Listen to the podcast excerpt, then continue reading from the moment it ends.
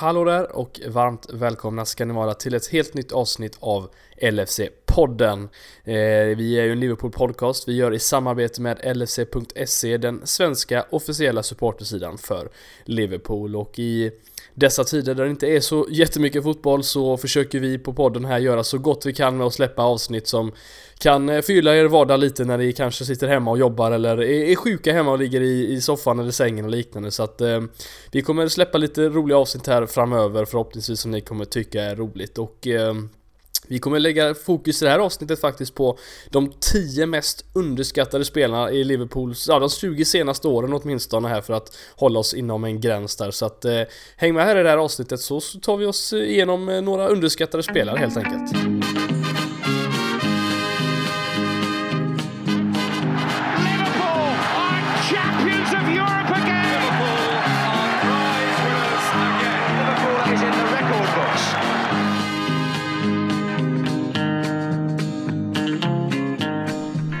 Yes, då är vi tillbaka med ett eh, nytt avsnitt av eh, LFC-podden i dessa Dagar som vi får nästan räkna det som. Jag själv, eh, vi får börja med egentligen att säga att jag sitter här med en otrolig förkylning eh, och hoppas därefter att ni får ta, ta hänsyn till det när, när ni hör mig prata här nu att jag kanske låter lite täppt ibland och harklar lite sådär. Men det, det är sådana tider nu så vi får helt enkelt acceptera och ja, min kompis som ska vara med mig snart eh, tror jag kommer säga samma sak här men eh, det är skönt att kunna sitta och prata Liverpool även när det är ligger till som det gör här med coronatider och eh, av ingen fotboll och ingenting egentligen. Så att det är vi får göra det bästa av situationen här med podden och då tänker vi att vi släpper lite roliga avsnitt här med lite summeringar av säsonger kanske, speciella händelser och lite eh, listor och sånt som eh, är kul att lyssna på när det inte finns så mycket annat att prata. Så att eh, det vi ska göra i det här avsnittet framförallt lägga fokus på det är faktiskt att ranka de tio mest underskattade spelarna i Liverpools historia, i alla fall de senaste 20 åren ska vi, lägga, ska vi tillägga. Så att från 2000 framåt då ska vi försöka lösa, men det gör jag inte själv utan jag välkomnar in en till sjukling här, Kalle Sundqvist som ja, befarar har eh, åkt på något otroligt eh, farligt här nu så du måste ligga ner och podda. Det, då är det riktigt illa.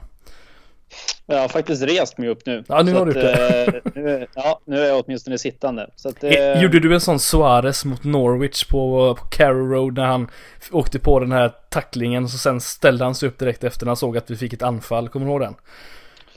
Exakt. Ja. eh, och eh, ja, precis. En av alla hans hattrick-matcher där. Just det, eh, precis.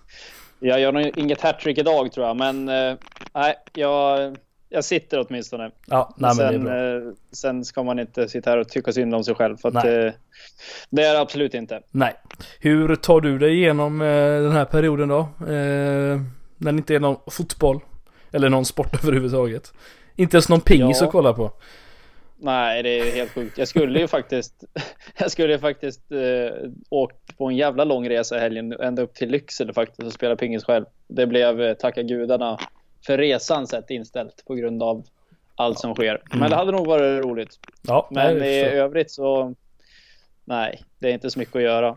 Tur man jobbar på vardagen i alla fall. Ja, Helgen jag... är ju Helgerna är ju tuffa. Ja, nej jag har spenderat de senaste två veckorna själv i, i sjukstuga faktiskt. Jag har inte ens varit utanför huset tänkte jag säga. Jag har knappt någonting men eh, Så jag har bara legat hemma och det har inte varit någonting att kolla på så jag har bara kollat på gamla fotbollsmatcher eh, Mer eller mindre och det är väl någorlunda roligt det men det är som sagt man hade ju kunnat fira serie Ett guld eh, Kalle kan man ju säga här för några dagar sedan annars men eh, det, det, blir ingenting med det just nu. Vi får väl se när, när det drar igång igen. Men nu är ju hela England i lockdown så att vi får väl se hur, hur lång tid det tar innan eh, vi får se Liverpool igen. Vad tror du själv? Ja, jag vet inte. Det är så extremt svårt att säga. Det känns som att det, det kommer nya besked varje dag egentligen med, med restriktioner och sen att det, det, det ser ut att vara på bättringsvägen och sen kommer det några bakslag. Så det, det, är så svårt att veta så att jag tycker knappt att det är värt att, och spekulera, spekulera längre. Nej, nej, nu, precis. Nej, det... Äh, jag vet inte. Jag, helt ärligt nu så har det nästan blivit så att man har uh, gått ner i någon form av tom, uh, tomgångskänsla. Så mm. att uh, man... jag vet inte. Det är en jättemärklig situation. Mm. Så att förhoppningsvis kommer det igång och att säsongen spelas färdigt. Men det, det vet man ju inte heller. Så att Nej, tiden precis. får utvisa vad som händer. Så är det Yes, nej men det, det får den absolut göra. Så att, eh, men vi tar väl och, och börjar prata lite om det vi tänkte göra det här avsnittet Kalle. Och det är ju ett litet speciellt avsnitt för vi, vi har suttit här nu och funderat ut de, vilka spelare vi tycker har varit de mest eh, underskattade spelarna, inte de överskattade. För det finns en hel del spelare, men underskattade har det faktiskt funnits en hel del också de senaste 20 åren. Och vi har tillsammans gjort en liten eh, lista här eh, på de tio eh, främsta av dem, just eh, de här underskattade spelarna vi ska gå igenom. Så får vi se om våra lyssnare håller med oss eller inte. Men eh, innan vi gör det så har vi faktiskt eh, fått en liten, eh, på Twitter blev vi kontaktade här när vi la upp vad vi skulle prata om.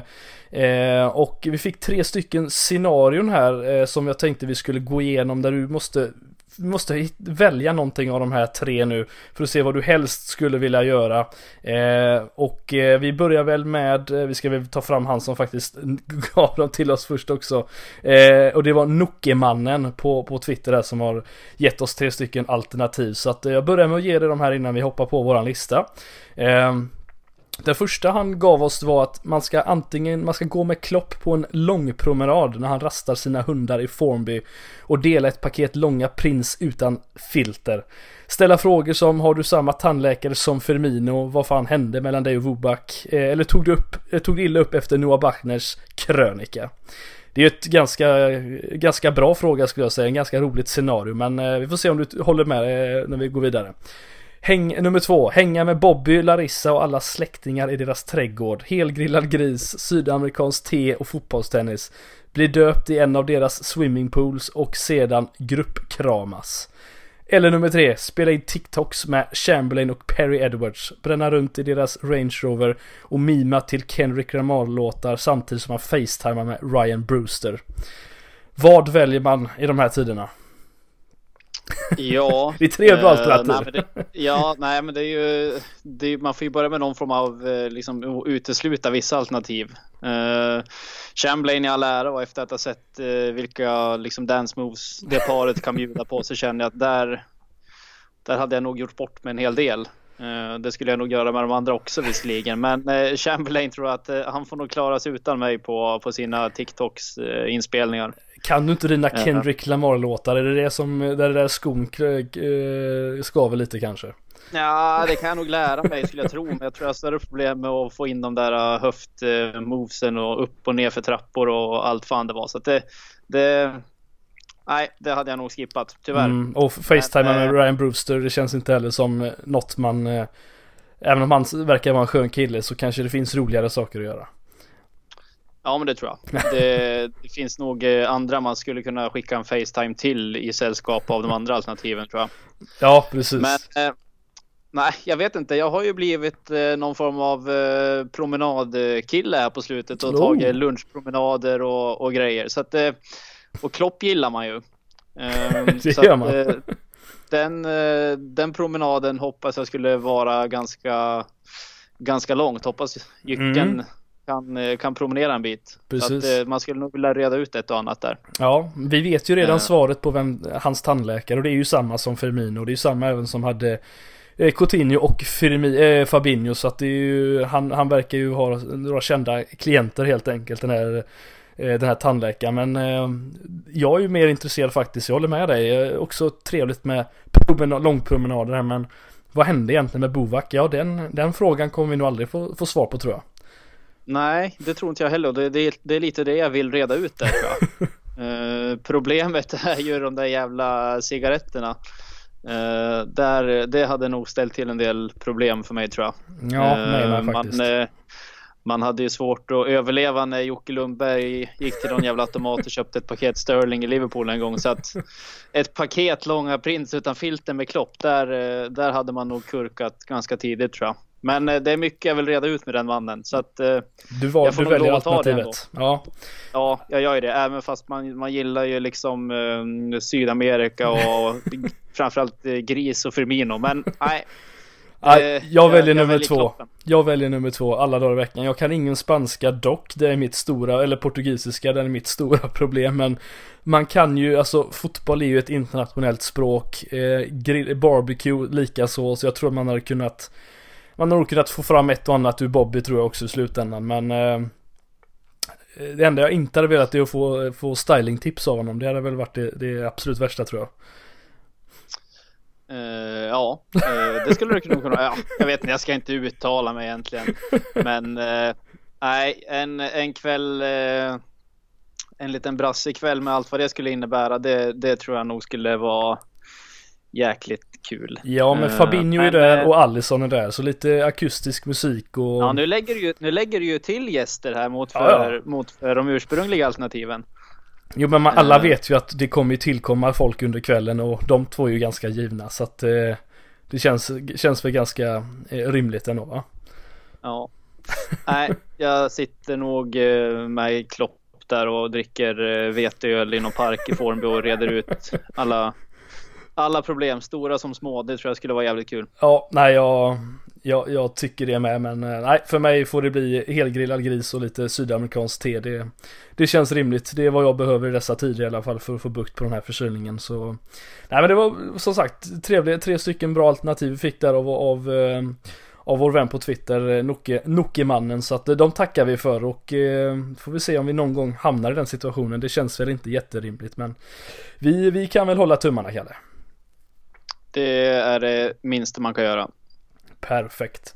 Eh, ska vi ta och hoppa in på den lilla listan då som vi har, eh, har tryckt in här med de tio mest underskattade spelarna. Jag tänker att vi, vi tar och jobbar oss från, eh, ursäkta mig, från eh, nummer 10 neråt såklart så att vi går från en till, ja vi går mot den som vi tycker är mest underskattad under de 20 senaste åren och eh, på plats nummer 10 Kalle, vem har vi valt att sätta där?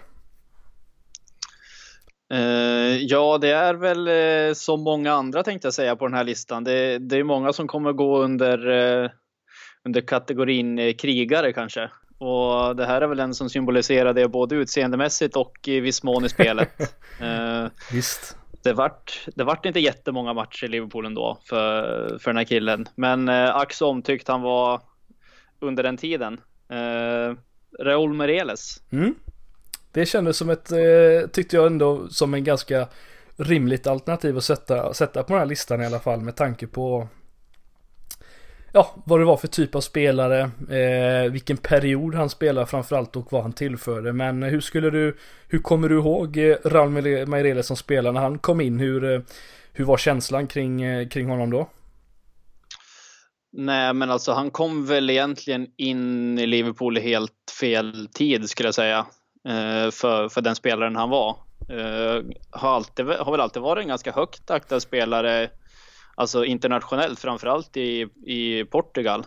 Eh, I portugisiska landslaget har han mm. alltid gjort, gjort bra ifrån sig, så att det var ju helt klart en värvning som, som kittade lite grann när, när, när Liverpool gjorde klart att de skulle värva honom. Och man hade ju någon vag förhoppning att han liksom skulle kunna på något sätt täppa till det där som vi så många gånger har pratat om att vi tappade när Mascherano lämnade. En, mm. Eh, en eh, krigare på mitten. Så att det var väl den förhoppningen man hade när han kom. Uh, och, och gjorde, det, gjorde det bra i Liverpool. Tyvärr liksom var det ju omständigheter med hans kontrakt och liknande som gjorde att han, han försvann ganska mm. kvickt egentligen till Chelsea under omständigheter som kanske inte heller var så, så populära. Men äh, många goda minnen. Jag vet inte, har du något mer specifikt eh, konkret som du tänker på när du tänker på Reol Mereles? Ja, alltså han kom in i den, han, han, vi fick ändå se det bästa av honom under Kenny Daglish eh, återkomst där eh, efter Roy Hodgsons sparkning och eh, tycker ändå man fick se rätt mycket av honom eh, av det som jag inte trodde och det var att han skulle vara en sån poängspelare som han ändå blev. Han stod ju för en hel del viktiga mål, eh, inklusive i, i derbyt där mot Everton. Han eh, fick ju smälla till ett otroligt fint mål mot Wolves på bortaplan som jag skulle säga det. Jag kommer ihåg honom främst som det där volleymålet som eh, rullade eh, rätt många gånger hemma hos mig faktiskt. Eh, men det var väl framförallt att han eh, Lite som när Aquilani kom in i bilden eh, som det var tänkt kanske att han skulle vara den här Eh, komplementet till storstjärnorna, alltså Gerardo Suarez i det här fallet då. Eh, som, eh, som skulle komma in eh, dessutom och eh, tycker ändå att han, han stod för en hel del fina minnen. och gjorde även mål på på, på Stamford Bridge som eh, blev ett, ett 1-0 segermål där. Det var väl det som när Torres hans första match mot Liverpool om jag inte minns helt fel. Så att han stod ju för en hel del viktiga eh, mål framförallt och det var väl det jag skulle komma ihåg honom som att han Spelar i, som du sa då, en situation där visst Liverpool gjorde en bra vår men det var inte under en period Liverpool mådde som bäst. Eh, men han eh, gjorde ett väldigt bra ifrån sig men fick aldrig riktigt den eh, uppskattningen tycker jag som, som han borde ha fått. Och därför skulle jag ändå säga att han, det är därför han är med på våran lista. Jag vet inte om du håller med om det jag sagt om honom rent generellt så, men tycker ändå att han förtjänar en plats på listan. Ja, absolut. Och grejen är att i den situationen som Liverpool befann sig då var ju inte, det var ju absolut inte där vi är nu. Eh, och Mereles var väl en av de många spelarna som, som precis som vi nämnde tidigare, som kom in där ändå kittlade lite grann i, liksom i värvningsnerven med spelare som man hade höga förhoppningar på. Mm. Och under den säsongen under den tiden han var i Liverpool så tycker jag absolut inte att han gjorde bort sig på något sätt. Utan eh, han var ju en i allra högsta grad ganska bärande spelare i det laget skulle jag säga. Mm. Som ändå på relativt få matcher ändå gjorde en, en hel del en hel del poäng och ändå personifierade någon form av, av vilja och, och vinnarskalle som man har saknat många gånger i, i Liverpool. Så att eh, nej, en helt klart värdig eh, spelare tycker jag ändå att kvala in på, mm. på en sån här lista. Tyvärr fick vi inte se så mycket av honom i Liverpool. Nej, precis. Det, det, det är ju det som var så tråkigt, men eh, Många av de spelarna som vi kommer prata om här, eh, här idag kommer, har ju tyvärr inte spelat allt för länge i Liverpool, vilket är lite synd, men det är väl lite därför som sagt de kanske aldrig fick den uppskattningen vilket gjorde att de gick vidare. Eh, men det är därför det är kul för oss att kunna sitta här och prata om dem nu. Men eh, på ja, tionde plats så valde vi då Raul Meireles och... Eh, vad, vad, var det? Hur var det där egentligen med hans kontrakt? Han hade blivit lovad någon förhöj, löneförhöjning oh. som uteblev och han han hade någon klausul som gjorde att han försvann till Chelsea. Jag kommer inte ihåg, jag har något vagt minne av att det var något med hans kontrakt som skulle, det skulle bli någon skillnad i kontraktet efter ett år som, ja, som brann inne. Jag kom faktiskt inte ihåg exakt vad, eh, vad det var, men det var väl att eh, som sagt. Jag, jag han, tror det var något, något, något förhållande i hans kontrakt som skulle, ja. Ja, precis. Som skulle ändras efter ett år under vissa premisser. Ja, och det, det blev inte så. Och då ledsnade han ur och, och stack. Och det, mm det kan man väl köpa. Eh, jag hade köpt kanske om man hade, om man hade varit i dagens Liverpool och, och då hade man ju ändå sett anledningar till att stanna, men de, de fanns ju inte riktigt där och då. Ehm, så då testade han lyckan i Chelsea istället. Ja, nej precis och det är så många andra Liverpool-spelare har gått vidare och lyckats vinna någonting, någon liten titel där under den perioden. Eh, Torres gick ju till Chelsea och fick vinna vinna grejer han med till slut. Så att, eh, men det var synd. Meireles, jag tyckte om honom väldigt mycket. Han var en, eh, en skön spelare helt klart. Eh, som man önskar man fått se lite mer av.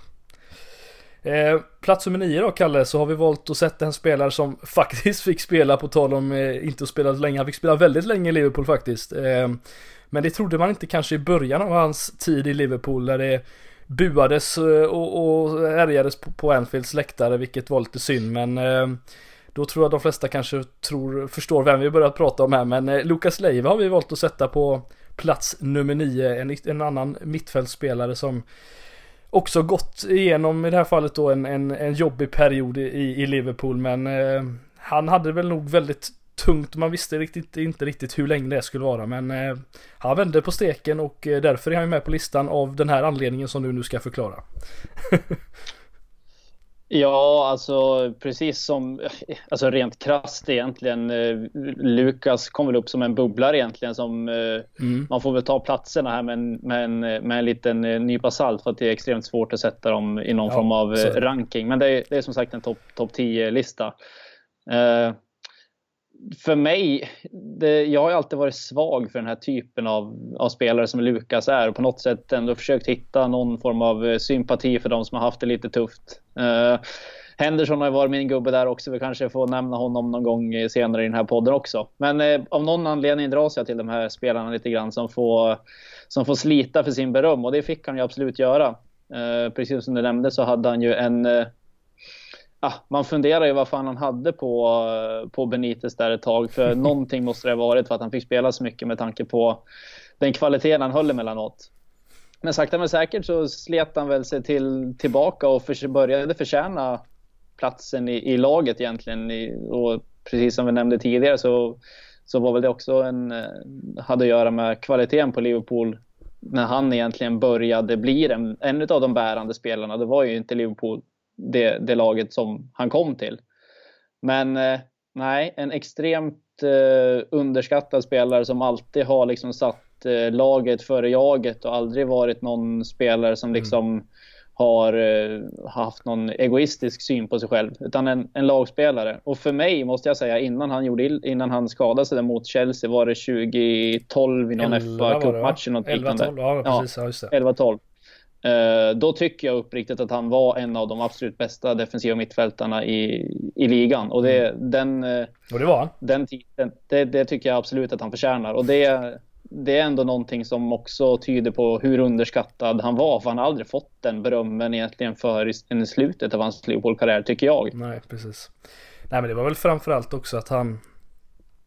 Han var ju ingen defensiv mittfältare från första början, utan det här är ju en offensiv mittfältare som skolades om, vilket man också tar med, måste ta med i beräkningen, vilket gjorde att att sko skolas om är inte jättelätt, eh, framförallt inte att vara en offensiv mittfältare och bli defensiv i Premier League dessutom.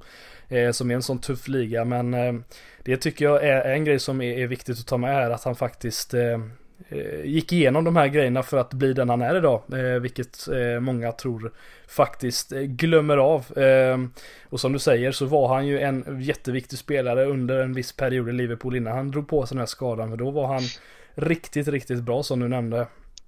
Och nej, det var väldigt synd. Sen tog han sig tillbaka men han, han, blev ju aldrig riktigt den han var. Eller som han var innan utan precis som många andra spelare så blir det ju just det att skador påverkar karriären och eh, till, till någonting negativt tyvärr då. Och, eh, men Lukas Leiva hade ju många fina färdigheter. Han var ju en duktig, duktig taktiskspelare vid ett, ett tillfälle tänkte jag säga och sen blev det ju väldigt mycket av det här dra på sig onödiga frisparkar Lukas, eh, vilket är synd då. Men under en viss period så var han en riktigt, riktigt bra central eh, slash defensiv mittfältare och eh, jag tror många glömmer av hur, hur viktig han var under den perioden faktiskt innan han, innan han gick sönder och äh, det är synd för jag tycker om Lukas som en, en person, alltså det man fick lära känna honom, alltså med det här Unlucky, han var en, han var en, en rolig person verkar det som eh, dessutom, vilket, eh, vilket är kul att, att veta om det med. Men eh, nej, som du säger, en, en, en väldigt bra spelare, underskattad framförallt som eh,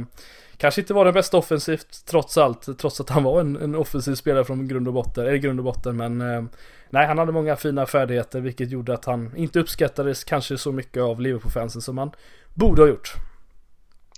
Nej, och sen, alltså, sen är ju han en av de spelarna, eller en av många egentligen, som har kommit utifrån från ett annat land till en helt ny stad och ändå tagit mm. till sig allt vad det innebär att vara en, en scouser. Så att han eh, kvalar absolut in under kategorin av eh, liksom adopterade scouser som de brukar kalla det. Så att eh, tio år i klubben och hela hans eh, familj egentligen har ju spenderat större delen av deras liv i Liverpool. Så att det, det är klart att han, han kommer ju alltid ha en eh, ikonstatus på något sätt och vara kopplad till, till Liverpool i allra högsta grad. Mm. Och han gör det ju bra fortfarande. Det var väl förra året han vart utsedd till, eller om det var säsongen innan, det vart utsedd till årets spelare i Lazio. Det är ingenting man, man skojar bort i ett lag som liksom ändå är på, på framfart i allra högsta grad i, Hur mycket i tror du Liverpool-fans var inblandade det?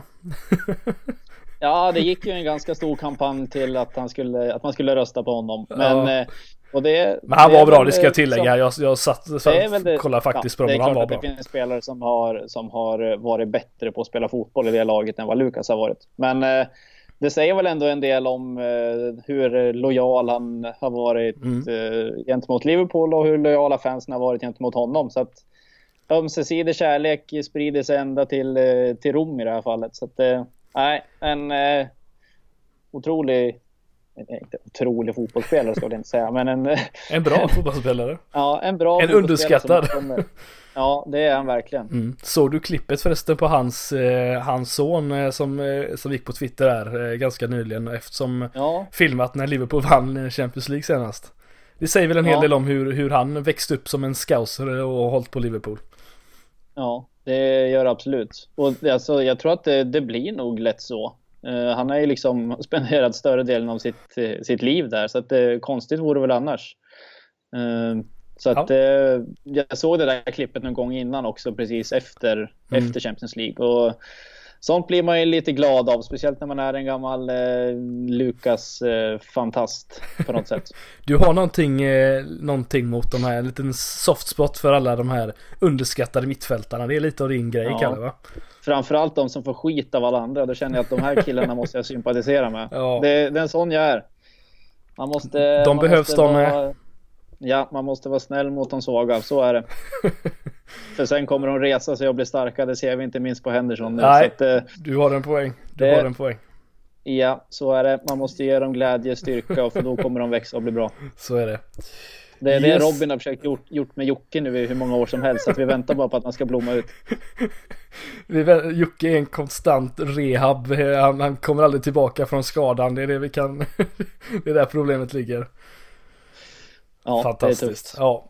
Vi eh, tar och jobbar oss neråt på listan här och eh, nummer åtta har vi valt att placera en, eh, en spanjor som eh, man inte pratar om jättemycket faktiskt. Eh, re- rent generellt heller. Alltså, det, även om han var med under en storhetsperiod som vi får kalla det på ett sätt med tanke på att Liverpool faktiskt jagade ligan under den här perioden och eh, eh, ja, satsade ganska hårt och eh, Alvaro Arbeloa har vi valt att sätta som nummer åtta på den här listan. Eh, jag kan väl börja med att, och, ja, nu har du fått börja och prata om varenda spelare så jag kan väl ta och säga det jag har att säga om honom egentligen och han tycker faktiskt eh, eh det är synd att vi inte pratar så mycket om honom för Arbeloa var en väldigt viktig kugge i det här framförallt 08-09 laget som jagade United på, på, på titeln och eh, ja, försökte gå mot Champions League också där eh, och tyckte ändå att han bidrog med en hel del. Han tog över efter, efter Steve Finnan som var eh, stabiliteten, eh, om man kunde definiera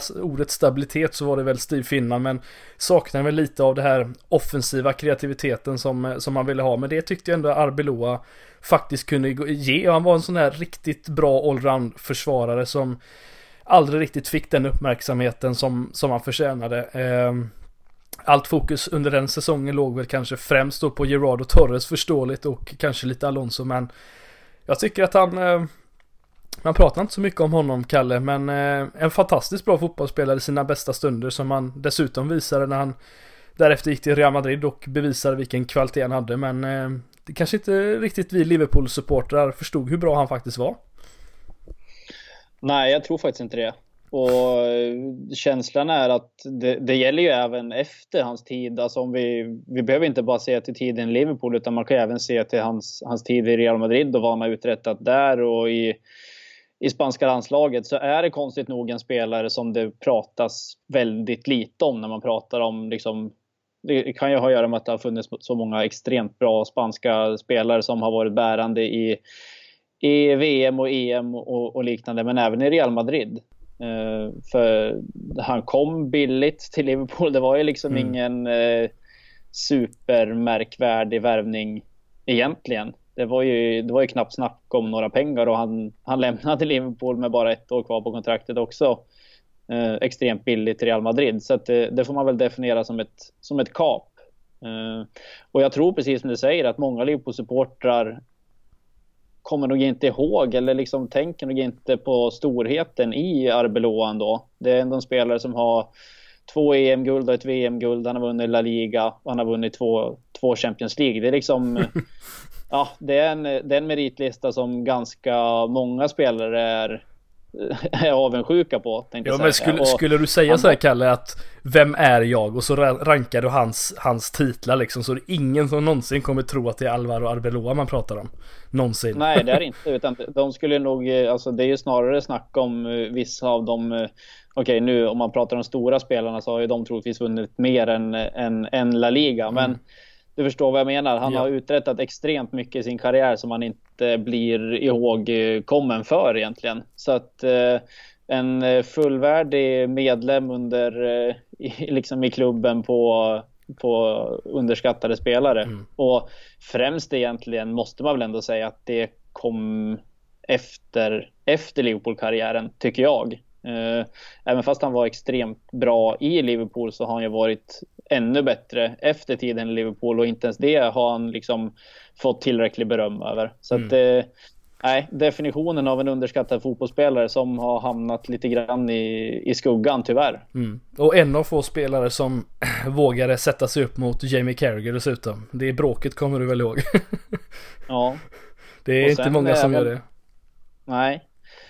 Uh, sen får man inte glömma bort hans uh, korta sejour i West Ham heller. Den uh, kom ju som en liten uh, blixt från klar himmel tänkte jag säga. Precis. Så att, ja, men det är väl framförallt, framförallt som du sa att han, han var ju inte han var inte en, en, han var bra, han var en bra fotbollsspelare i Liverpool, bara att han tog nästa steg senare. Men det var inte så att Liverpool fick, fick den sämsta delen av honom, utan vi fick verkligen en bra som sen blommade ut ytterligare. Men i Liverpool var han, var han mer eller mindre färdig, bara att han blev ännu bättre eh, senare i karriären. Vilket förståeligt när man går och vinner titlar och, och sånt där. Men eh, en väldigt stabil spelare med bra kreativt öga. Eh, i, i, på offensiv planhalva också. Så att ett, en bra efterträdare till, till Steve Finner, får man ändå säga. Eh, synd bara att vi inte pratar som sagt om honom. Men nu gör vi det. Vilket eh, känns rätt bra på ett sätt. Men eh, Aurelio, nej, får gärna dyka upp på Anfield flera gånger och eh, sitta på läktaren och så får man få börja prata om honom lite för att han fick inte den uppmärksamheten som han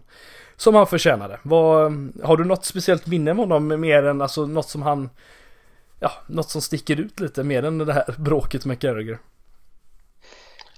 Alltså inte rent konkret om jag, om jag ska tänka på någonting nu bara så här på, på volley, något som jag minns, eh, någon specifik eh, match så som sticker ut extra mycket. Har du någon, någon som du har Definitionen av en, en, en, en ytterback, man kommer inte ihåg jättemycket.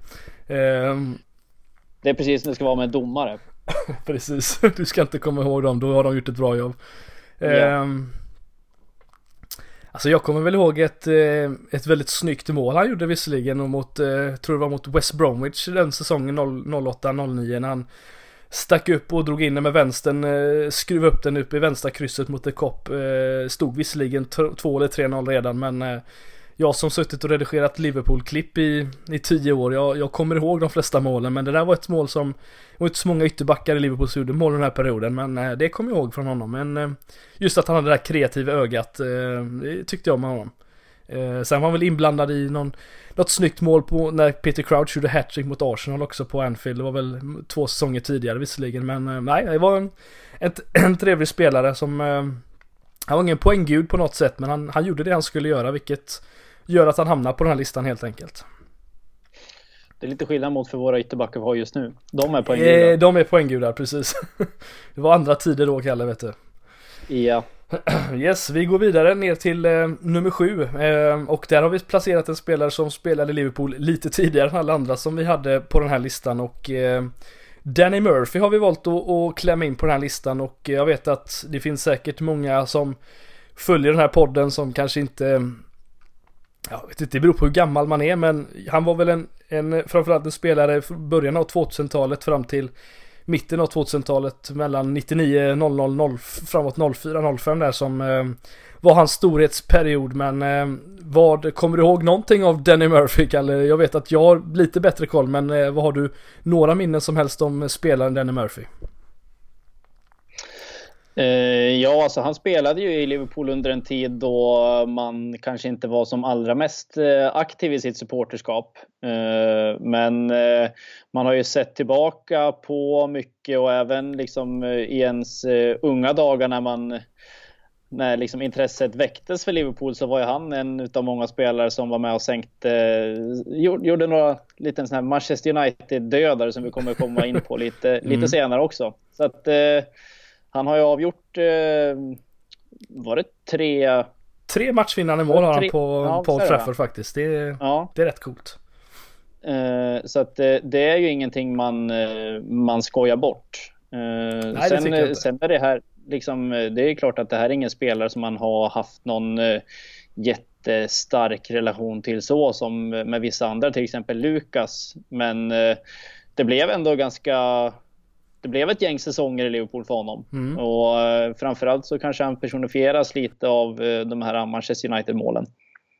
Precis, de, eh, det är faktiskt så att Lucas och Danny Murphy har, har någonting gemensamt, vilket gör att jag ändå tycker att han borde vara med på den här listan, Kalle. Och det är att Danny Murphy var också en sån spelare som en gång i tiden blev lite smått utbuad av, av Liverpool-fansen. Var inte riktigt måttet som en central mittfältare Ehm, eller ja, mittfältare under den här perioden skulle hålla i Liverpool tyckte de. Och, men han gjorde, vände ju på steken precis som Lukas och eh, gjorde ju de här tre viktiga målen varav ett som jag tror de flesta kommer ihåg kanske lite mer och det var väl det här sena vinstmålet som han gjorde mot United i slutet av väl typ 84-85 minuten. Eh, som, som han gjorde, när var det? 2002 kan det ha varit kanske? Eh, något, nå, någon gång där tidigt 2000-tal och eh, Nej, just en sån här spelare som, som jag vet att Steven Gerrard har pratat om väldigt mycket i efterhand här när han kollar tillbaka på sin Liverpool-karriär. Att eh, det var en sån spelare som eh, som alltid han kunde lita på när han eh, åkte till Old Trafford med, med sitt Liverpool och eh, även om inte han var kapten för Liverpool under alla de här matcherna så var han en del av det och eh, vid ett senare tillfälle också. Eh, nu var inte han eh, kanske den Liverpool-kaptenen just, just då, men han, han, var med i laget, han vet hur, han kunde liksom lita på den här spelaren och det var en sån spelare som alltid gjorde arbetet i det tysta som jag vet man pratar väldigt mycket om just när det kommer till underskattade spelare. Men jag tror just de här tre målen, Kalle, och eh, på just Manchester United på Old Trafford. Eh, och att han just gjorde jobbet. Det var väl det som gör att han, man måste ändå ranka honom som en väldigt underskattad fotbollsspelare. Han eh, var inte bara målen, men han, han, var ju en bra fotbollsspelare, bara att han inte fick den uppmärksamheten som eh, han kanske borde ha fått. Nej, och det är väl just det här alltså om man tänker på på underskattade spelare när vi, när vi pratar om det, det är ju de som Alltså det kan vara spelare som liksom startar varje match en hel säsong men inte tar liksom de stora rubrikerna eller gör det som eh, liksom får en hel arena att resa på sig. Men det är just det här det är de spelarna som blir mer uppskattade kanske inom laget än liksom på läktaren. Eh, och det är ofta det blir så att det är först kanske i efterhand man inser liksom storheten i de här spelarna också. Mm. Att eh, Alltså återigen till, till Lukas, det var ju liksom i slutet av hans Liverpool-karriär och framförallt när det blev klart att han skulle lämna, det var ju då folk började liksom reflektera över vilken kugga han ändå hade varit under en väldigt eh, lång tid. Och det är ju ofta så liksom, eh, internt är de alltid uppskattade och det är, det är spelarna liksom noga med att påpeka hela tiden. Men det når liksom inte alltid hela vägen ut genom tv-rutan eller upp på läktaren eller vart man nu befinner sig. Så att det, nej, det, de, behöver, de behöver uppskattning, de underskattade spelarna och här har vi väl absolut eh, en sån också. Mm. Eh, säger Steven Gerrard att det är en spelare som man absolut litade på när man skulle åka till Old Trafford så, så säger det en del att liksom, eh, Då håller vi med honom. Då, ja, vi vågar ju inte mopsa upp oss mot honom. Nej, precis. Nej, men det är kul att vi kunde få in någon spelare. Jag vet, det finns, det finns som sagt, vi ska ju nämna det. Det finns ju mer än tio spelare som vi hade kunnat klämma in på den här listan. Men eh, eh någon spelare som vi måste få med på den här listan var ju eh, något, eh, någon från, eh, som inte av de senare spelarna framförallt, utan någon början av 2000-talet. Jag tycker ändå att Danny Murphy var helt klart den som stack ut kanske mest. Somliga skulle väl kanske kunna säga Emil Heskey under den perioden också, men eh, eh, Danny Murphy var en viktig kugge i det Liverpool-laget, helt klart. Eh, Frågar du Hasse Backe så är hans, eh, hans etta på den här listan eh, alltid ganska spikad om man, om man pratar underskattade spelare. Så Och vem är det? Alltid när man... Eh, Didi Hamann. Det ja. är ju det är ju en, också en, eh, ja, vi kan en komma bubblare. in på några bubblare ja. sen. Mm, en det kan vi absolut. Mm. Uh, yes, nej men vi går vidare på listan och nu uh, uh, har vi hamnat på uh, sjätteplatsen och där har vi valt att hade jag haft en bättre röst så hade jag sjungit låten men Maxi Rodriguez har vi valt att sätta in på den här listan och, och, det här tycker jag ändå är definitionen av en, jag vet att vi säger om alla spelare men här snackar vi verkligen underskattat eh, Kalle. Också under en period precis som Raul Mereles där ja, Liverpool kanske inte var med och ut, utmanade om de stora titlarna men eh, en spelare som man ändå, får man en sång eh, under en sån kort period som ändå spelade bara en och en halv säsong för Liverpool. Då har man gjort någonting rätt får man ändå, får man ändå säga va? Ja, det tycker jag absolut. Det, tyvärr blev det, blev det kort tid och här är också en av de här spelarna som man liksom äh, återigen om vi, som när vi med, nämnde med Mereles, att det här är någon spelare som man har haft någon liksom äh, landslagskoppling till egentligen. Mm. I alla fall jag innan han kom till Liverpool så var det alltid liksom en ja, det är en eh, bra argentinsk spelare liksom som man alltid liksom såg upp till eller tyckte gjorde det bra när, när det var mästerskap. Och tyvärr samma här egentligen. Det blev lite för kort tid i Liverpool och det, det man minns av honom egentligen, det, det blir så. Får man en sång då är det något eh, speciellt precis som du nämner och det är ju liksom sången som har etsat sig fast. Man kan ju jag vet inte om det var mot Fulham någon gång. Jag har för mig att det är, eh, han måste ha gjort något eh, specifikt den matchen. Men jag vill minnas att det finns något klipp när en hel eh, liksom Liverpool-klack mm. egentligen bara står och skanderar Max Rodriguez. Men då det hattrick. Precis, det var den matchen. Mm. Den, det, det är någonting som har etsat sig fast gällande honom. Mm. Eh, nej men precis, det, det var ju en, en, som du sa, man kommer ihåg honom väldigt mycket av det han gjorde innan Liverpool-tiden i Atletico Madrid och eh, som sagt för, för, för Argentina, alla kommer väl ihåg det här fantastiska volleymålet han gjorde mot, eh, var det Mexiko? Kan det ha varit det? Eller något, något, lag var det i alla fall, han gjorde det här snygga brösten och eh, brösta ner bollen och sen drog han på volley med, med vänstern tror jag till och med va? In i ja, bortre hörnet. det är faktiskt ett helt otroligt mål. Det är riktigt, faktiskt ett helt mål. otroligt mål. Eh, sen han väl Det kan ni gå in och, och Ja det får man youtuba precis. Ja det, eh, det, är värt att pausa. Precis, nej men det var Max Rodriguez var ju en sån här spelare som eh, som sagt han, han, eh, han, han var aldrig känd för att kanske vara en poängspelare men han, han stod för ändå en hel del eh, rätt, rätt mycket poäng i sin Liverpool, korta Liverpool-karriär och eh, framförallt då det här hattricket mot mot Fulham tror jag de, de flesta kommer ihåg men han, han blev ju en bra, bra link-up-spelare som sagt med de eh, spelarna han spelade ihop med. Eh, och eh, jag tyckte att han, eh, han hade besatt väldigt mycket stora kvaliteter. Bara att han, han var en sån spelare, Kalle, som man aldrig riktigt... Det så, kändes som att han hade lite mer att ge, men man fick aldrig se det riktigt. Det kändes som att det fanns någonting mer i honom, men han gav ändå, gav mycket som sagt eh, för Liverpool och eh, kommer ihåg att just den här sången, eh, det, det är kul med de här att spelare som inte spelar så länge får just en sång som ändå eh, funkar så bra. Det, det, det, säger en hel del om hur uppskattad han ändå blev till slut som Liverpool-spelare. Men under perioden så, så var det ju inte han man prata om mest kanske. Det var, det var andra spelare. Ja, det, det var det absolut. Och han är ju en av eh, många sådana egentligen. Eh, sen funderar man ju ibland, vad är det som gör att, eh, att man blir en, en kultspelare? Kan det rent av vara så att kommer man upp med en bra sång och de skanderar runt, det blir liksom ja, då blir man ihågkommen lite av den anledningen också. Även fast mm. Eh, man kanske inte har uträttat jättemycket. Nu, nu var ju Max Rodriguez en, tycker jag, en extremt eh, bra spelare under tiden han var i Liverpool. Mm. Och, och har man tur att få en sång som dessutom är jävligt bra så är det nog ganska lätt att det liksom, eh, då rullar det på och man blir ihågkommen ganska lång tid. Och det har ju han blivit absolut. Nej, precis. Det var det var väl nästan så att man hade väl hoppats att under den här perioden att, eller man visste inte riktigt vad man skulle få eh, utifrån honom. Men det blev ju liksom att han formade någon form av eh, lite samarbete med, med Suarez under den korta perioden också. Vilket eh, de stod ju för en hel del assist och, och mellan varandra. Vilket, vilket var kul att se. Men det var just att han växte ut och, och, gjorde en hel del poäng som jag tror överraskade många. Vilket gjorde att han... Men man pratar inte så mycket om just den delen för att det var en annan spelare i, i Suarez framförallt. Och till viss mån Torres under den sista perioden i hans eh, karriär också som, som man pratar om. Men eh, Nej, en, en högt uppskattad spelare. Han, jag har något vagt minne av att han lyckades bränna, skjuta över från typ en meter en gång i någon, eh, någon match, om inte det var Max Rodriguez. Men eh, det, ska vi, det ska vi låta vara osagt. Han har gjort mycket mer bra än att bränna från en meter också. ja, det har du helt rätt i. Det, folk får väl youtuba fram det också antagligen. Um, se om de hittar det. Men nej, Max Rodriguez på plats nummer sex i alla fall. Uh, på tal om låtar när vi går till plats nummer fem, Kalle.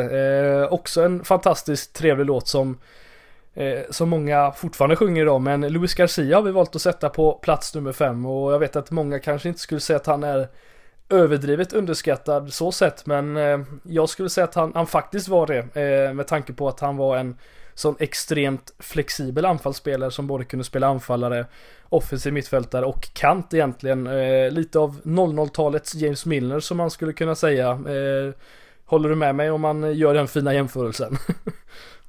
ja, det tycker jag absolut. Och och grejen är att det, här har vi en spelare som ändå verkligen har uträttat en hel del mm. under sin tid i Liverpool. Yeah. Eh, inte minst.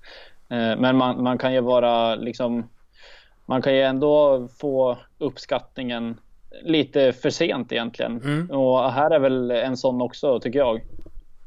Ja, nej men det är väl just det som du säger att det är en grej att bli få den här uppskattningen när man har lämnat klubben eller eh, vid ännu senare tillfälle eh, när man kan reflektera tillbaka lite men jag upp, upp, uppfattar inte att man pratar om Garcia på det sättet hur bra han faktiskt var. För det var som sagt en spelare som gjorde viktiga mål, han gjorde olika typer av mål, huvudmål, eh, nickmål, snygga mål med höger och vänsterfoten och eh, var på rätt plats ibland. Och eh, nej det var en fantastisk spelare som också dök upp när han behövdes, inte minst i Champions League som jag tror de flesta kanske kommer ihåg honom som eh, väldigt viktiga mål både mot Leverkusen och eh, Juventus innan då det här Ghost-goalet som han gjorde, målet som han gjorde mot, mot Chelsea men eh, eh, Nej det man pratar inte så mycket om honom, eller nu gör man ju det med tanke på att han, han har ju blivit lite av en sån här kultspelare som åker med klubben eh, mot på sådana här eh, legendresor och liknande och, och, är med som en ambassadör kan man väl säga.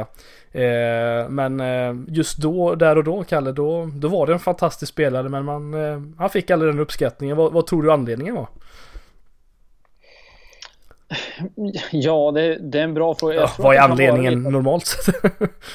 ja, nej men alltså det, det, kan väl, jag tror att det mycket beror på också att under den tiden så fanns det likväl som det är nu och med de andra spelarna att det har funnits spelare i laget som har liksom dragit till sig de stora, liksom stora rubrikerna och varit, haft liksom den stjärnstatusen som är. Mm. Uh, han var ju liksom, uh, han spelade i Liverpool under en tid då, då Gerard egentligen var en av de uh, absolut bästa spelarna man kunde se och han var ju den stora, stora stjärnan så det är ganska lätt att hamna i skuggan bakom, bakom den typen av spelare. Mm. Och sen, sen är det liksom sådana saker som att man blir ihågkommen för vissa saker. Framförallt det här spökmålet som du pratade om. Det är ju det är någonting som kommer följa med honom uh, resten av hans liv och han är ju ganska sugen på att påminna folk om det varje gång det blir tal om halloween och liknande. Att han Precis. klär ut sig till spöke.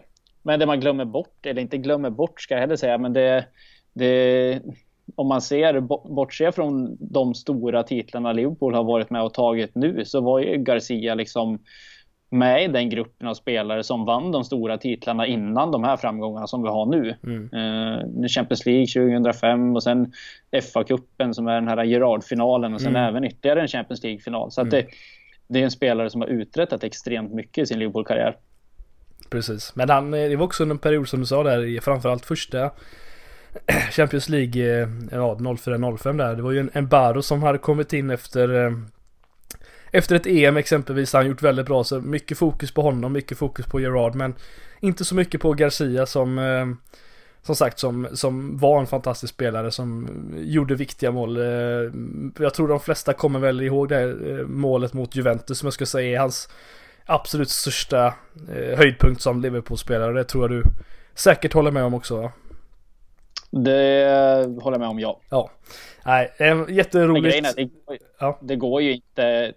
Det går ju inte en matchdag på pubarna runt Anfield utan att eh, liksom Garcia-sången sjungs. Så det, det säger väl en hel del också om hur uppskattad han eh, fortfarande är. Så det, det är en av de här riktigt stora liksom kultspelarna i, i man får väl ändå säga modern tid om man ser mm. 2000-talet och framåt. Så att det, nej, det är en, eh, en ikon i allra högsta grad som eh, det sjungs om eh, extremt mycket fortfarande varje matchdag. Så att det, det säger en hel del om hans status. Ja, precis. Eh, nu börjar vi närma oss eh, slutet av listan här Kalle, men eh, plats nummer fyra så har vi valt att sätta en jag skulle nästan säga att det här är min personliga favorit på hela listan men Jossi Benayoun eh, måste ju få en plats på, på en lista när det kommer till just underskattade spelare. Eh, jag tycker faktiskt, där, där tycker jag det är lite intressant för där, eh, där ska du faktiskt få göra ett eh, gott försök till att vända mig nu. Oh. Om det är din absolut stora, stora favorit. Så att du får, du får uppdraget att övertyga mig om att han har tagit sig in på topp 5. Ja men alltså Benayoun var ju som sagt, det är bara att börja med att säga så här, stå, sitta och kolla på hur han ser ut, hans kropps, liksom hur han är byggd och alltihop och, och förklara hur han är som fotbollsspelare och hur han ska lyckas i en, en prem, tuff Premier League-liga. Han är som sagt, var, när han kom till Liverpool väldigt, fortfarande, men väldigt eh, smal och tanig kille som inte var särskilt snabb heller för den delen. Eh, inte särskilt stark. Vad kunde han förlita sig på? Han fick förlita sig på sitt, sin kreativitet och teknik. Och gjorde det så fantastiskt bra. Eh, stod för också viktiga mål. Lyckades vara, var en sån spelare som lyckades vara på rätt plats. På rätt tillfälle. Eh, nej, han var en makalöst trevlig spelare att kolla på och eh, under en period också som sagt där då under eh, framförallt 07-08 säsongen men även 08-09 under det Premier League-laget, Liverpool-laget som, som satsar på Premier League där han stod för viktiga mål men framförallt var han väldigt sevärd som jag kommer ihåg honom som och eh, nej en sån här som man inte trodde riktigt det här han, kan inte överraska på det här sättet men det gjorde han till slut och eh, nej en riktigt riktigt eh, fin Liverpool-spelare som eh, absolut inte fick den uppskattningen som han eh, förtjänade. Han gjorde med andra ord det som Usama Asaidi inte lyckades göra. typ så ja. ja.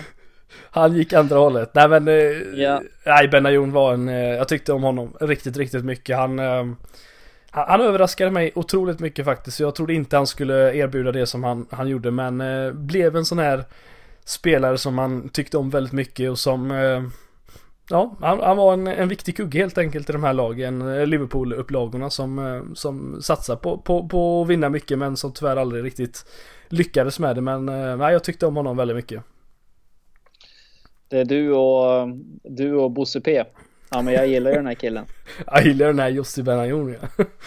ja. Men han har ju varit, han har ju varit runt en del i ändå ja. liksom stora engelska klubbar så att något rätt har han ju absolut gjort. Mm, absolut. Eh, men tycker, tycker du att jag satt, ja nu har vi väl gjort detta någorlunda gemensamt men eh, tycker du att han förtjänar en, en så här låg placering om man säger så eller eh, tycker du att han var så underskattad som jag tycker?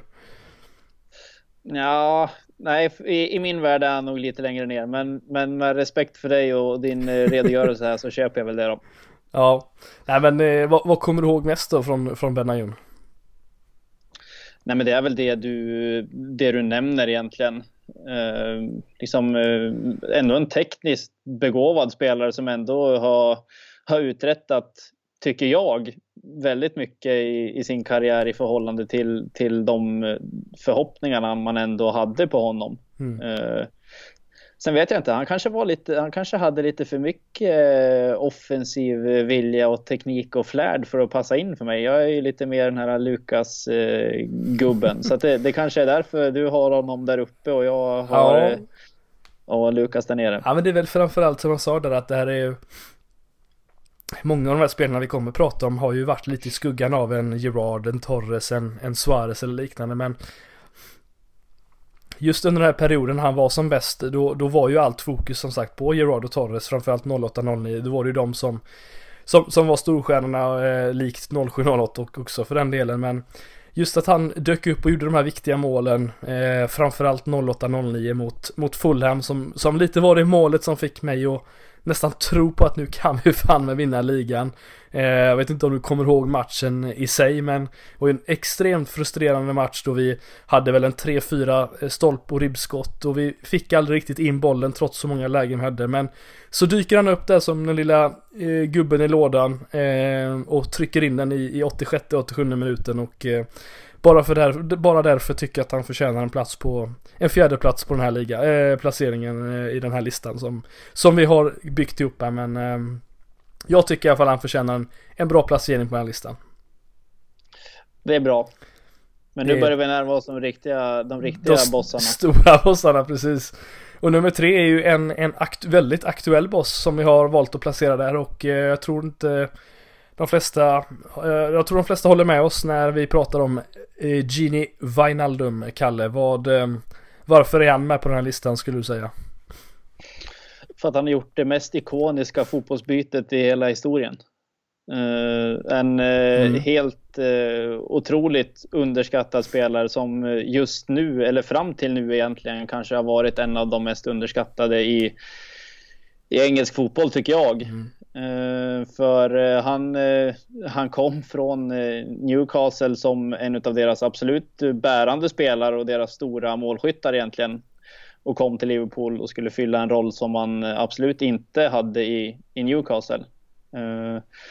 Och har ju absolut blivit den här extrema kultspelaren för, för den här den här generationens eh, Liverpool, om man säger det, det, det riktigt moderna Liverpool.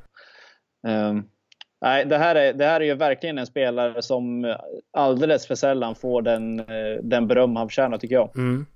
Och det som jag tror många glömmer av det är ju hur, hur mycket mål han har gjort mot de stora lagen framförallt. Han har gjort väldigt viktiga mål mot Arsenal, eh, City på nyårsafton, kom, tror jag många kommer ihåg. Inte minst den här Barcelona, men Tottenham borta den här säsongen. Eh, förlåt, förra säsongen menar jag.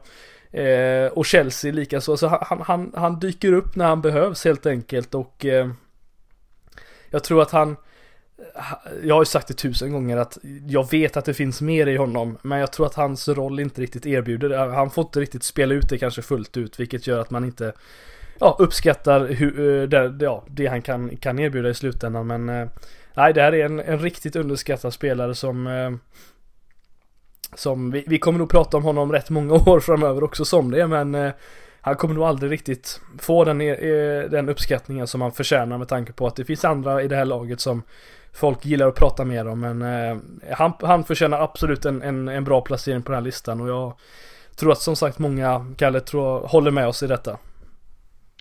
Ja, det tror jag också. Det, jag tror inte att eh, ska man liksom eh, är det någon på den här listan som man kanske inte behöver liksom göra något större säljjobb för att jobba in eh, för, den allmänna publiken så är han kanske den tillsammans med, med våran etta som jag tycker är eh, ganska självklar på den här listan. Ja. Eh, så att eh, Nej, en spelare som, som vi har nämnt tidigare får alldeles för lite beröm och är en ja, som många andra underskattade spelare egentligen. En extrem slitvarg som jobbar i det tysta. En eh, extremt bra bollvinnare som eh, liksom...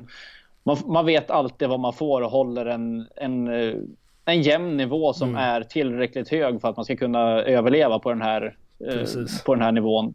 I kombination med att man sticker fram och gör liksom rätt saker i rätt matcher och då blir man ihågkommen. Mm. Nej men precis, han, han erbjuder också sina lagkamrater att kunna gå framåt och, och lägga mer offensiv kraft. Så att eh, gör extremt mycket för laget utan att behöva göra någonting egentligen. Vilket är ett bra tecken på en, eh, en underskattad ja. fotbollsspelare.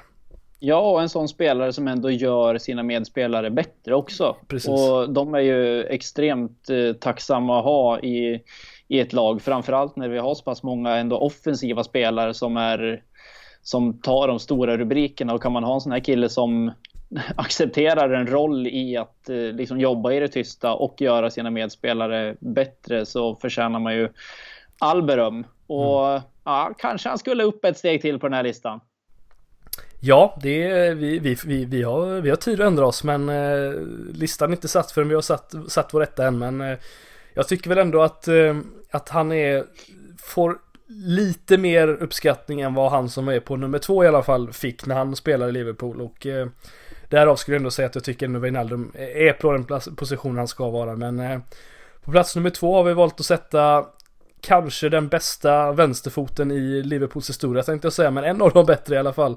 Som eh, på grund av skador aldrig fick visa riktigt hur bra eh, han faktiskt var. Men eh, Fabio Aurelio, Kalle, har vi valt att sätta på plats nummer två och det är ju en en, eh, en placering som är ganska högt upp får jag ändå säga men eh, varför tycker du att han förtjänar att vara så här högt upp på den här listan? För att när han inte var skadad, vilket att han var alldeles för ofta egentligen, eh, så var han en extremt bra fotbollsspelare och en extremt bra ytterback med en mm. extremt bra vänsterfot. Mm.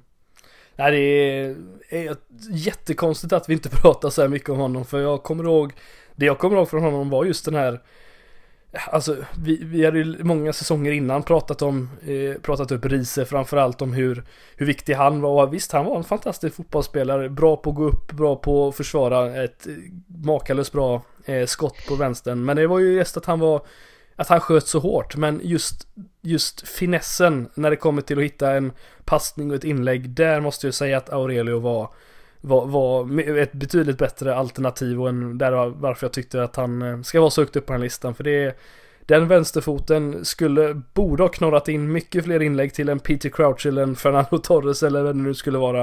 Eh, med just skadorna som höll honom borta men eh, Nej, han var väldigt stabil Kalle, väldigt, eh, väldigt bra på att gå framåt och, och just stod för fina, fina inlägg och eh, mål också från frisparkar. Vi kommer prata kanske lite om när det kommer till höjdpunkter i hans karriär, men eh, just de här skadorna som, som är anledningen till att han kanske inte är etta på den listan. Ja, och sen tror jag att det här, hade, han, eh, hade han varit skadefri då, då tror jag inte att han hade gått under kategorin underskattad längre utan då hade Nej, han varit då hade han nog varit en av dem som man hade pratat extremt mycket om. Så att eh, tyvärr, det är ju vissa spelare är ju så här med att de är extremt begåvade och oftast när de spelar är de extremt bra. Men tyvärr så har man en benägenhet att vara skadad och man eh, missar stora delar av eh, säsonger och som till slut springer iväg och blir stora delar av ens egen karriär dessvärre. Men när man väl spelar så är man extremt bra och ja, det här är ju absolut den typen av spelare. Men ja, hans vänsterfot nu nu har man ju en slalompjäxa på vänsterfoten själv, men hade man velat haft någons vänsterfot så ah, då hade han nog varit med och, och tampas där ett tag i alla fall upp, eh, upp i toppen. Mm, påminner lite om min Kalle. Min slalompjäxa eller Nej, Aurelio? Ja, min vänsterfot påminner mer, mer om Aurelio än din vänsterpjäxa i alla fall. Ja, det tror jag också att den gör. Det, det, det gör nog de flesta. ja, nej, det är en eh, synd att, jag kommer inte ihåg hur länge fick han eh, Ska vi se, när, nästa, 08-09 var hans sista säsong va? Så då spelade han, eh, var det tre säsonger? Fyra? Nej, han måste ha varit kvar... 06-07 eh, spelade han ju, herregud. Ja, då men sen han, ja, vill jag minnas även att det var någonting med Aurelio att hans kontrakt eh, gick ut och sen att Leopold förlängde det igen för att han var klubblös en tid. Ja, nu ska jag inte svära på det. Jag har inga datum eller tider framför mig eller så heller. Men Nej, tyvärr. En, en skadedrabbad eh, Herregud. spelare som blir eh, extremt, eh, extremt bortglömd. Mm. Och liksom är det något, en specifik sekvens i hans Liverpool-karriär som man kommer ihåg så är det väl frisparksmålet på Paul Trafford, mm. tycker jag. Eller det mot Chelsea. Nu gick, ja. vi, nu, gick vi inte, nu gick vi inte vidare den Champions League-matchen men när han lurar check på det sättet han gör genom att låtsas slå ett inlägg och så blir det ett mål på jag vet inte hur långt ifrån han är men eh, väldigt långt ifrån för att det borde överraska en check egentligen men eh, eh, målet mot United får väl ändå räknas med tanke på vad det var för typ av mål. Eh, och att vi slog United den veckan vi gjorde också så får väl ändå det räknas som, som toppmålet va?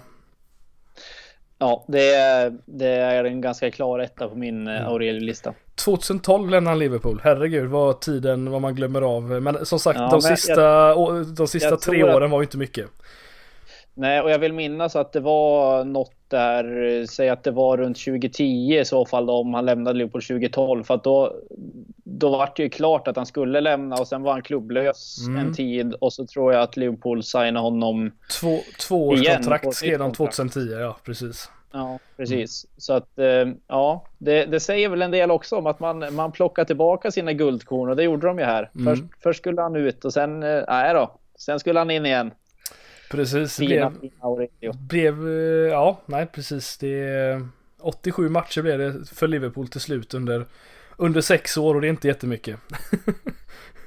Nej, det är, det är väldigt lite.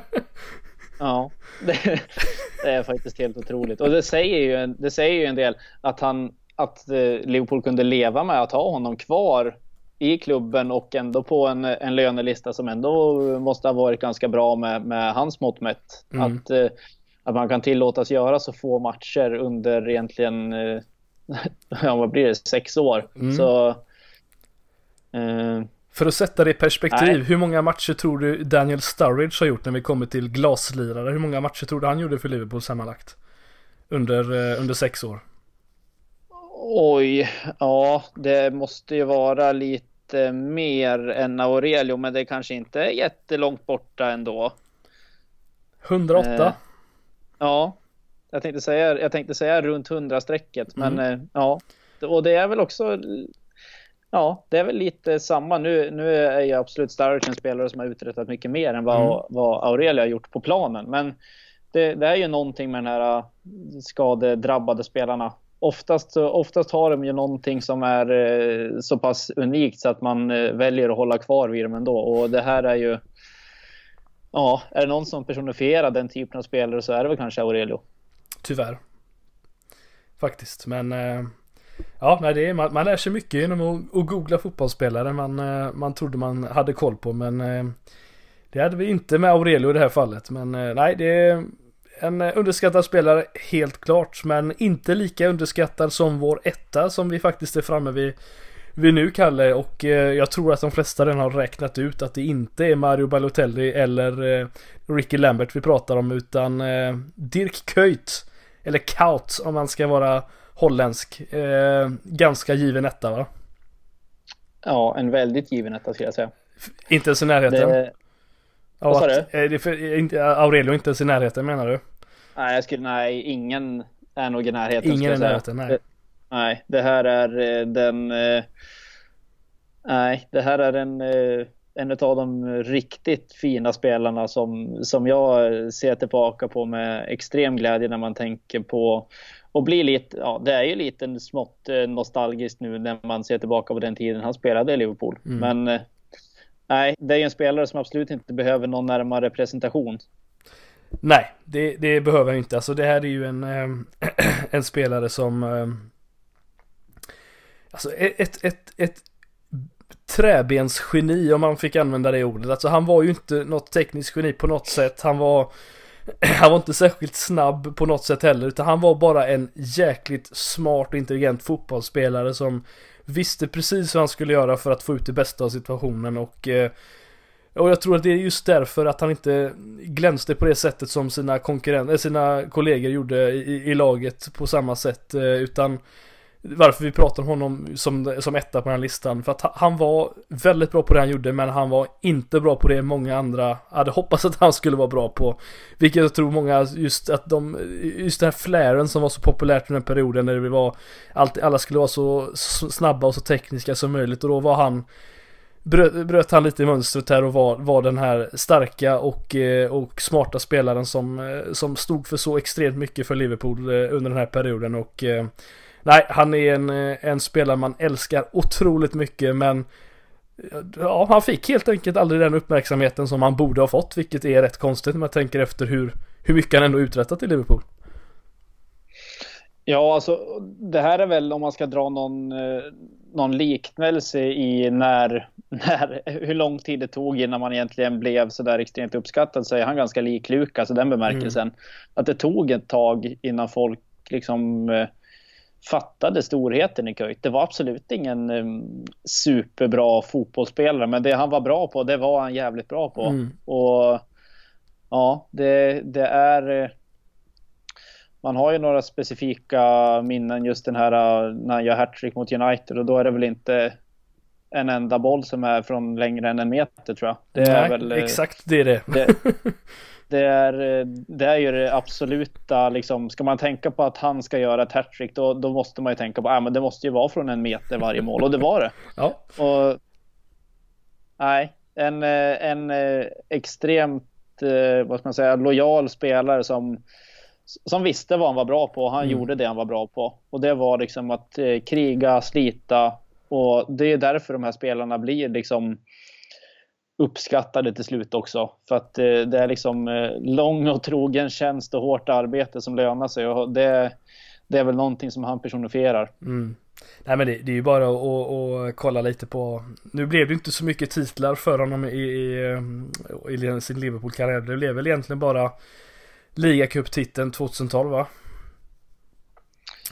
Till ja. slut. Ja, vilket är synd såklart. Eh, han var ju med i Champions League-finalen 0 06-07 men där blev det ju bara, det blev ju förlust mot Milan så där fick han ju aldrig vinna någonting men Synd att han inte fick vinna mer men eh, han, han, var ju lite av den här kultspelaren i Champions League också. Han är ju faktiskt femma på listan Kalle när det kommer till flest antal eh, Champions League-mål för Liverpool. Eh, vilket också säger en hel del om hur hur viktig han har varit i den eh, delen och eh, det är bara Gerardo Fowler som har gjort fler mål mot Everton eh, i derbyn än, än honom och dessutom så att det han var en spelare man kunde lita på, helt klart. Och han kändes lite som en sån spelare som var med i slutet av matcherna dessutom. Jag läste lite intressant statistik hur många hur många mål han gjorde från matchminut 85 och senare. Eh, av alla hans 75 mål, hur många procent, eller 71 mål han gjorde i Liverpool, hur många procent av dem tror du var just från matchminut 85 och eh, senare? Oj. Eh, hur många mål gjorde han sa du? 71. 71. Ja, det är... Eh, ja, det är ju extremt svårt. Det är svårt med procenten vet du säger man när man jobbar med ekonomi. Mm. Nej, men eh, ska man säga en eh, 15-20 procent kanske? Ja, var 20, var 20 procent. 20 procent av alla köjsmål gjordes från matchminut 85 och senare, vilket är helt makalöst. Det är ju en grej om du gör 5 mål och så är 20% av dem, men om man gör 70 mål och så är 20% av dem från matchminut 85 och senare, då är man en viktig spelare i ett lag. Och då har man inte fått den uppskattningen heller som, eh, som han har fått, vilket gör att han är enkel etta på den här listan måste vi ändå säga. Ja, jag skulle, ja, jag skulle säga rent av ohotad etta. Mm. Det, det finns ingen som, eh, som går in på, på, på toppen av listan som han tycker jag. Nej. Sen ett, ett fint minne som bara är så... Det var väl också... Det måste ju ha varit eh, vilket år kan det vara? Skitsamma var det. Arsenal borta. Det är någon match som drar över som fan. Och ja. det Kenny Dalglish eh, sessionen där. Ja, 108 minuten eller något sånt. Mm. Det, det är jättemycket övertid. Mm. Och eh, Kenny skäller ut eh, Wenger efter noter där och säger piss off, it's a penalty eller vad han nu säger. Så det, det är också en, eh, en otrolig scen som Köjt sen går dit och bara sätter dit straffen. Mm. Och jag har faktiskt ja, det... andra, ett, ett, annat minne som, som jag kommer ihåg väldigt tydligt och det var på just mot lillebror på på Goodison när eh, där han drämmer in två stycken straffmål varav ett i absolut sista eh, matchens sista eh, sekund egentligen när, eh, när vi får straff. Jag kommer inte ihåg vilken spelare det är men Lukas har ett skott som räddas på mållinjen med händerna av en Everton-spelare. Och, eh, och han träder fram och slår sin andra straff för, för, eh, för, för dagen och sätter ett 2-1 mål i, ja, jag tror det är typ 89 90 första minuten, något i den stilen. Och firar framför Liverpool-fansen genom att glida på knäna. Det, det är en, ett mål som jag Just en situation jag kommer ihåg så extremt tydligt med Köjt för han var verkligen Han var också, han var som Wijnaldum, han var, upp, han var med i de stora matcherna, det var då han dök upp Och eh, väldigt viktig spelare framförallt för Liverpool vilket, eh, nej, många, många fina, fina minnen eh, helt klart med honom.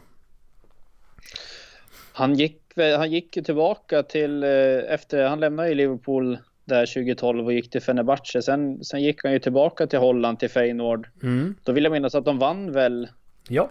Eh, de vann väl holländska ligan den säsongen och han liksom av, tog något form av farväl där i samband med att de vann, eh, vann ligan och fick en extrem uppskattning där. Så att det, det är en spelare som är uppskattad på många fler håll än i, än i bara Liverpool. Han är extremt oh, ja. uppskattad i Feyenoord och inte minst i holländska landslaget. Så det, mm. det, det, är en spelare som eh, är uppenbarligen lätt att tycka om och lätt att ta till sig oavsett om det är liksom i Liverpool eller om det är i ett annat klubblag eller landslag. Så att det, mm. det, är en, det är en spelare som är extremt lätt att tycka om. Och det mm. är nog inte så konstigt med tanke på hans, hans spelstil och den, den personligheten han är. Nej, precis. Han gjorde ett hattrick i sin sista match som sedan eh, för Feyenoord som gjorde att de vann första titeln sedan 99. Eh, tre dagar tidigare. Så att det är, nej, det är, det är cool. Han är cool igen. Det är Köjt. Han kommer för evigt vara i våra hjärtan. Det, det måste vi säga. Det skriver jag under på. Ja, Vad, eh, nu har vi satt vår lista här, eh, inte en målvakt med eh, för de som varit, ja, haft ögonen öppna kanske här men och det finns väl egentligen ingen underskattad målvakt vi har haft under den här perioden sedan 2000-talet heller va? Vad sa du för någonting nu? Underskattad målvakt. Nej, det har bara funnits överskattade målvakter. Ja, nej jag kan inte komma på någon målvakt som har varit, eh, inte ens Charles Itandje var väl underskattad. Eh, nej, jag tror inte det va? Nej, inte med tanke på vad man eh, För Pepe fick ju mycket kärlek, han, han var ju uppskattad så att eh, Ja, och det har ändå varit etablerat namn i fotbollsvärlden som liksom har Precis. varit eh, extremt Chris Kirkland då? Ja, det, där kan man ju snacka. Han har ju gjort lite comeback på senare tid på LFC TV. Så han har ju, mm. han har ju tagit upp sin Liverpool-karriär mm. i någon mening igen. Ja, precis. Nej, ja. Det, det känns som att det, det är inte så ofta det finns underskattade målvakter. För att det, i så fall Liverpool sett så ska man ju se till andra målvakter och där har det inte blivit så aktuellt egentligen. Um, så nej, det, någon sån har vi väl inte, men det finns ju många andra spelare som uh, som skulle kunna ta liksom, plats på den här listan och möjligtvis peta undan många och flytta runt på, mm. på placeringar och liknande. Men eh, man får ju ändå försöka sätta något kriterium för vad som är en underskattad spelare och det kanske är de som inte har fått jättemycket liksom uppmärksamhet. Mm. En sån som Hyppie kan ju framstå som underskattad men han är ju ändå en spelare som har varit i allra högsta grad väldigt ja. etablerad och fått mycket beröm och är liksom en, en stor spelare om man ser mm. tillbaka Liverpool-historien. Så att den här listan har vi väl lite ägnat till dem som eh, som kanske inte nådde hela vägen men ändå gjort, har gjort, eh, gjort extremt eh, mycket bra och Precis. har blivit ihågkommen för det. Exakt. Så att, eh, det finns, eh, det finns många andra spelare som har varit bättre än de här på fotboll och har varit underskattade. Men vi har ändå lagt eh, ribban lite lägre i det här avsnittet för att minnas de som man kanske inte minns eh, det första man gör när man slår upp ögonen på en tisdag morgon. Precis. Nej men det tycker jag vi har gjort bra. Vi kan väl säga så här att vi har ni några spelare som ni tycker definitivt ska vara med eller någon ni inte tycker ska vara med på listan så får ni ju självklart skriva till oss på vår eh, Twitter, att LFC-podden, så håller vi diskussionen öppen där helt enkelt. Men eh, Nej, det kommer bli, nog bli några sådana här avsnitt, Kalle, eh, tills eh, fotbollen är tillbaka och vi vet ju fortfarande inte när den är tillbaka så att vi, du och jag kanske sitter här och pratar om de mest överskattade spelarna om, om några veckor, det är ju inte helt omöjligt. Ja, det, det finns ju några att välja på där också. ja, nej, helt klart. Men vi ska inte gå, gå händelserna i förväg här utan vi, vi, vi stannar helt enkelt med de tio mest underskattade fotbollsspelarna sedan 2000 eh, helt enkelt och eh, så tackar vi alla för att ni har varit med och lyssnat och så eh, hörs vi och eh, ses väldigt snart igen.